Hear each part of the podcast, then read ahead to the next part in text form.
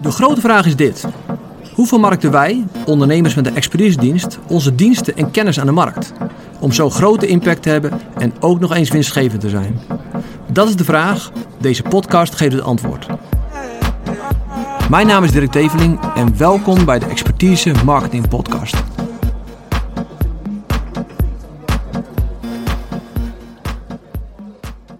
Wil je je expertisedienst promoten, dan moet je niet je expertisedienst promoten. En ik hoop dat het kwartje valt, want dat is de meest gemaakte fout. Uh, eerst dan eventjes, wat is het doel van promotie? Nou, uh, je ziet op LinkedIn dat sommigen als doel uh, hebben van promotie om zichtbaar te zijn. En ik zal geen namen noemen, maar er zijn, is een groepje met ondernemers. Die zijn helemaal gefocust op post maken op LinkedIn. met leuke filmpjes, inspirerende filmpjes over een vader die zijn zoon leert fietsen en met een mooie boodschap. Ze krijgen heel veel likes. en hun doel is enkel zichtbaar zijn. Nou, wat deze mensen verkopen is zichtbaar zijn op LinkedIn. Ja, en dat kan dus voor iedereen. Dus iedereen op LinkedIn is hun klant. Uh, en wat zij dus doen, is zichtbaar zijn op LinkedIn door leuke filmpjes, grappige, inspirerende filmpjes uh, te posten. Nou, dat mag natuurlijk, dat mag allemaal. Alleen dat moet, als je een expertisedienst hebt, niet je focus zijn. want zichtbaarheid, ja, wat zegt dat? Je wil alleen zichtbaar zijn in jouw niche met expertise die je hebt. En niet met grappige filmpjes, niet met inspirerende filmpjes. En natuurlijk mag je van mij prima uh, een paar keer per jaar iets persoonlijks posten, iets wat je leuk vindt of inspirerend vindt. Maar als je dat te veel doet, word je niet bekend als expert, maar als uh, grappige filmpjes poster. Dus naams, sorry, zichtbaarheid uh, is niet het eerste doel. zichtbaarheid in je niche, dat wel. Het tweede wat uh, is naamsbekendheid. Uh, dat kan ook zo'n doel zijn. En uh, ik wil niet zeggen dat het een slecht doel is, maar het is niet je primaire doel van promotie. Als je primaire doel van promotie is naamsbekendheid, uh, dan ga je het niet meer redden. Want mensen kunnen je bedrijfsnaam kennen en je logo herkennen en weten dat je voor die die bedrijf hebt gewerkt. Maar dan gaan ze echt niet daardoor met je werken. Nog een fout, want dat, dat komt weer terug op die, die eerste one-liner waar ik mee begon, uh, is het promoten van je diensten. Uh, dus mensen gaan zeggen, nou, we, hebben, we doen dit, dat lossen we op. zijn we heel erg goed in. we hebben, zijn voordelig en we hebben veel jaren ervaring. En we hebben team en samen met het team hebben we 80 jaar ervaring in het vak. ga met ons werken, want we zijn de beste. Nou, dat is ook iets wat misschien in de jaren 90 nog werkte, maar nu werkt het echt niet meer. Dus als jij het over je diensten en over je oplossingen gaat eh, praten, dan ga je geen klanten meer krijgen. Wat is dan wel het doel van promotie? Nou, het eerste doel, het hoofddoel, is jouw expertstatus verhogen. Laten zien dat je een expert bent op het probleem wat uh, uh, jouw potentiële klant heeft. En dat is het hoofddoel zodat mensen weten, hij heeft er verstand van, hij snapt mij, hij snapt mijn probleem, hij kan dit fixen. Dat is je hoofddoel van promotie. Um, en daarbij, dat doe je door het promoten van content. Het promoten van inhoud. Het promoten van waardevolle inzichten aan je doelgroep. Dus je bent niet je bedrijf aan het promoten, je bent niet je logo aan het promoten, je bent niet in dienst aan promoten, maar je promoot de content die laat zien dat je een expert bent. En dat is het doel van promotie. En nu snap je waarschijnlijk waarom ik zeg, als je je expertisediensten wil promoten, ga dan niet je expertisediensten promoten. Maar ga content promoten en laat zien dat je een expert bent. Um, en heel veel bedrijven, nee, laat, laat, ik, laat ik voor mezelf spreken. Als ik terugkijk naar mijn bedrijfscarrière, uh, dan heb ik heel wat fouten gemaakt. Maar één grote fout is dat ik nooit aan promotie heb gedaan. Ik heb uh, tot nou, 19, of, sorry, 19, uh, 2017 heb ik nooit iets geadverteerd of betaalde promotie gedaan. Ik heb wel een keertje toen wat laten zien op social media over al onze medewerkers. En dat de hobby's van Tim voetballen waren. Uh, was, uh, nou, dat heeft helemaal niks geholpen. Maar ik heb nooit een cent in promotie ge geïnvesteerd. En dat is een grote fout geweest. Waarom? Um, ik had een expertise. Ik kon bedrijven helpen. Maar bedrijven kenden me niet, omdat ik niks aan promotie deed. En het is eigenlijk net ja, wat, ik, wat ik vaak of regelmatig hoor, dat mensen zeggen, nou ja, aan promotie en adverteren, dan ga ik wel beginnen als we wat verder zijn. Als we meer omzet hebben en uh, wat meer klanten hebben, dan ga ik dat doen. En dan kijken ze aan en dan heb ik mond, mijn mond valt dan open en denk, je snapt er niks van. Want juist als je gaat starten, dan moet je doen een, tijd en geld investeren in promotie, zodat mensen weten wat je kan. En uh, sommige van mijn klanten zeggen, ja, mijn klanten die houden niet van marketing. Dat is net als een, uh, als je een goed restaurant hebt midden in het bos. Die zegt, ja, ik ga er niet over vertellen, want uh, dat ik zo goed en lekker eten heb. Want ja, dan, uh, daar houden mijn klanten niet van. Om te weten dat ik heel goed eten heb in een mooi restaurant. dat, dat, dat doesn't make sense. Dat, dat slaat nergens op. En toch zijn er veel ondernemers die zo denken. Die hebben dat als laatste prioriteit. Terwijl als je wil groeien, moet dat de eerste prioriteit zijn. Want het kost namelijk tijd voordat een potentiële klant jou ziet en uiteindelijk klant wordt. Daar is altijd een doorlooptijd. De, de, de lead-to-client time is gewoon, uh, nou, uh, bij sommigen die is het maanden en sommigen misschien wel richting een jaar. Dus promotie, daar begint al mee. Het is net als je zegt, oké, ik, ik hou van mooie auto's en ik heb een nieuwe, uh, laten we een, ik heb een, een, nieuwe Cadillac gekocht als hobby. Maar ik ben er heel trots op, maar ja, tanken, dat doe ik niet. Want ja, dat kost zoveel geld. En die benzineprijzen, dat is echt extreem. Dat ga ik niet doen. Nou, dat, is, dat, dat slaat natuurlijk nergens op. Je hebt die auto gekocht om mee te rijden. En zo heb je bedrijf ook je brandstof voor je, de groei van je bedrijf, de beweging van je bedrijf, is promotie, is adverteren, is zichtbaar zijn. Dus zonder dat groei je niet. En ik vind het echt serieus uh, heel jammer dat ik, ik spreek uh, gewoon veel ondernemers. En soms denk ik echt van deze gast, die is zo slim, die heeft zoveel verstand van zoveel ervaring. Uh, en hij draait 50.000 euro in een jaar. en dat mag, en er is er niks mee met 50.000 euro verdienen per jaar. Maar er zit zoveel potentie in, die kan een miljoenenbedrijf bouwen. Als hij heel simpel gewoon wat hij kan laat zien aan andere mensen. De promotie is erg belangrijk. Uh, dan de vraag, en, die is heel terecht. Um, en ik kreeg hem gisteren ook nog een keertje in de chat. Uh, Dirk, wat, uh, wat, wat, wat is je favoriete medium? Is het organisch op LinkedIn of betaald? Nou, ik heb geen voorkeur. ik weet alleen wel dat er verschillen zijn. En mijn antwoord is: het ligt eraan waar je staat in je bedrijf.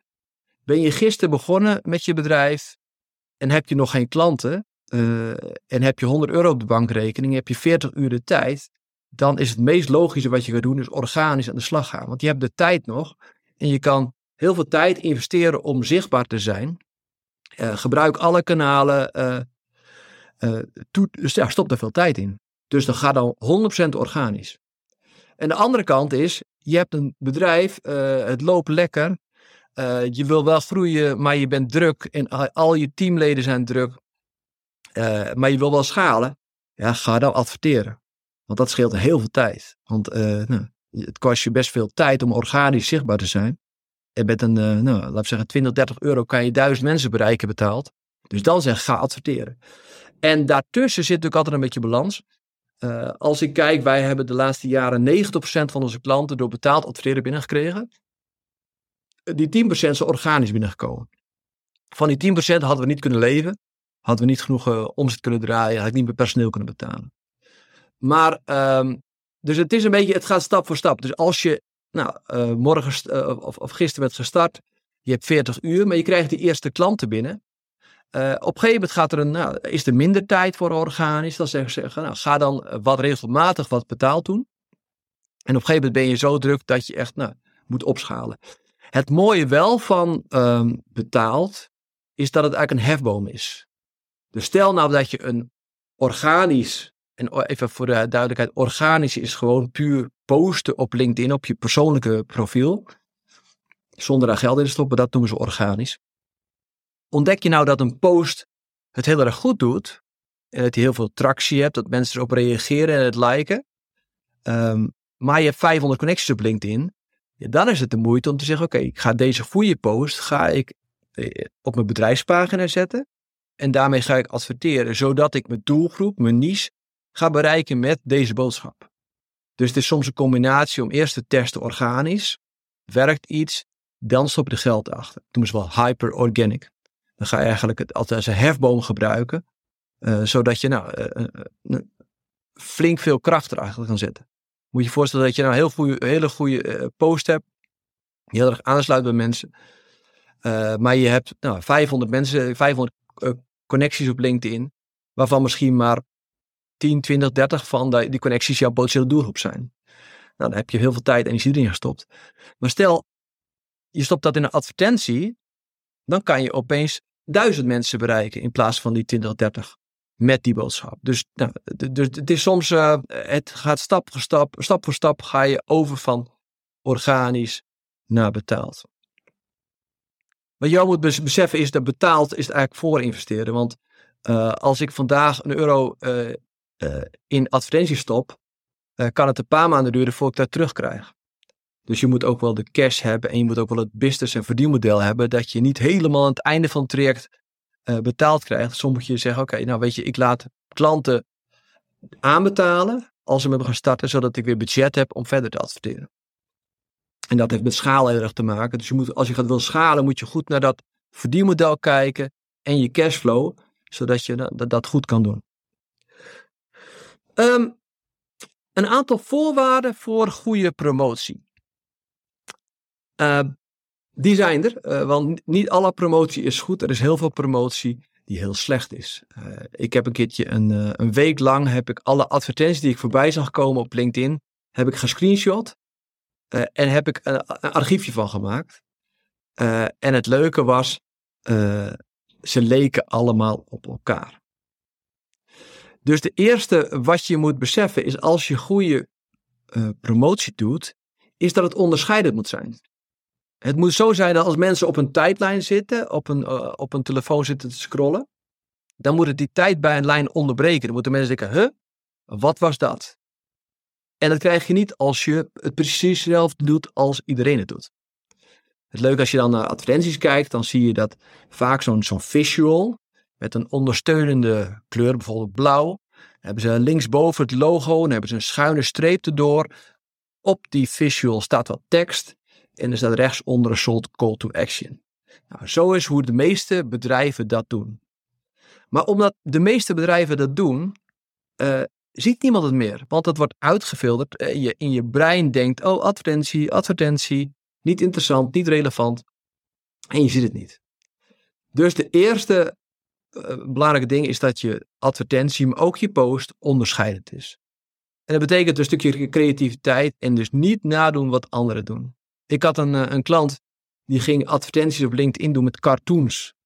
En ze had echt enorme CTR's. En CTR's zijn click-through rates. Dus uh, ze zat op een gegeven moment op 4, 5 procent. Nou, dat is extreem. Terwijl de, de standaard bij LinkedIn voor een goede advertentie 0,5 is. Dus ze deed 10 keer beter dan de standaard. Heel simpel door cartoons te gebruiken. Dus denk anders, wees anders uh, om je te onderscheiden. En dat is best spannend, want soms willen mensen heel braaf en ze willen het in de huisstijl kleuren allemaal hebben. Vergeet het, is niet zo belangrijk. Natuurlijk, als je vaak zichtbaar bent, is er een bepaalde stijl prima. Maar het gaat niet om je branding. Het gaat niet om je, of althans niet wel een branding, maar niet om kleuren en huisstijlkleuren. Dus onderscheidend is het eerste. Het tweede, het moet relevant zijn. Het probleem op internet en op social media is dat er heel veel interessante informatie is en heel weinig relevante informatie. Dus ga vanuit je klant denken. Dat is ook zo'n containerbegrip, denken vanuit de klant. Maar ga nou echt eens zitten en denk, oké, als ik dit zelf voorbij zal zien komen, zal ik dan stoppen met scrollen? Zal ik het dan lezen? Is het dan relevant? Of is het alleen interessant? Nou, interessant moet je uh, uit weg blijven. Het moet allemaal relevant zijn. Derde is, het moet resultaatgericht zijn.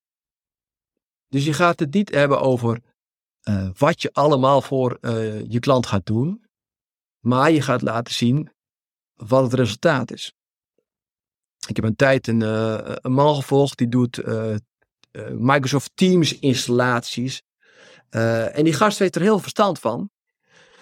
maar die ging heel veel filmpjes maken over de nieuwste functies van Teams. En die liet het allemaal zien. En die zeggen, nou, als je daarop klikt, dan kan je die optie open doen. En dan is het zo, zo werkt dat. Hartstikke sympathiek, hartstikke leuk. Uh, maar ik geloof niet dat hij de klanten meegekregen heeft. Waarom niet? Hij gaat het puur hebben over het middel, over Teams. Terwijl hij zou moeten praten wat Teams kan oplossen. Wat is dan het effect als je Teams in je organisatie goed gaat gebruiken? Uh, dus dan gaat hij het hebben over makkelijk samenwerken, uh, geen gedoe. Nou, dat zijn triggers waarop een potentiële klant koopt. Niet op, oh, als je hier klikt, gebeurt er dat en kan je deze functie. Cool hè?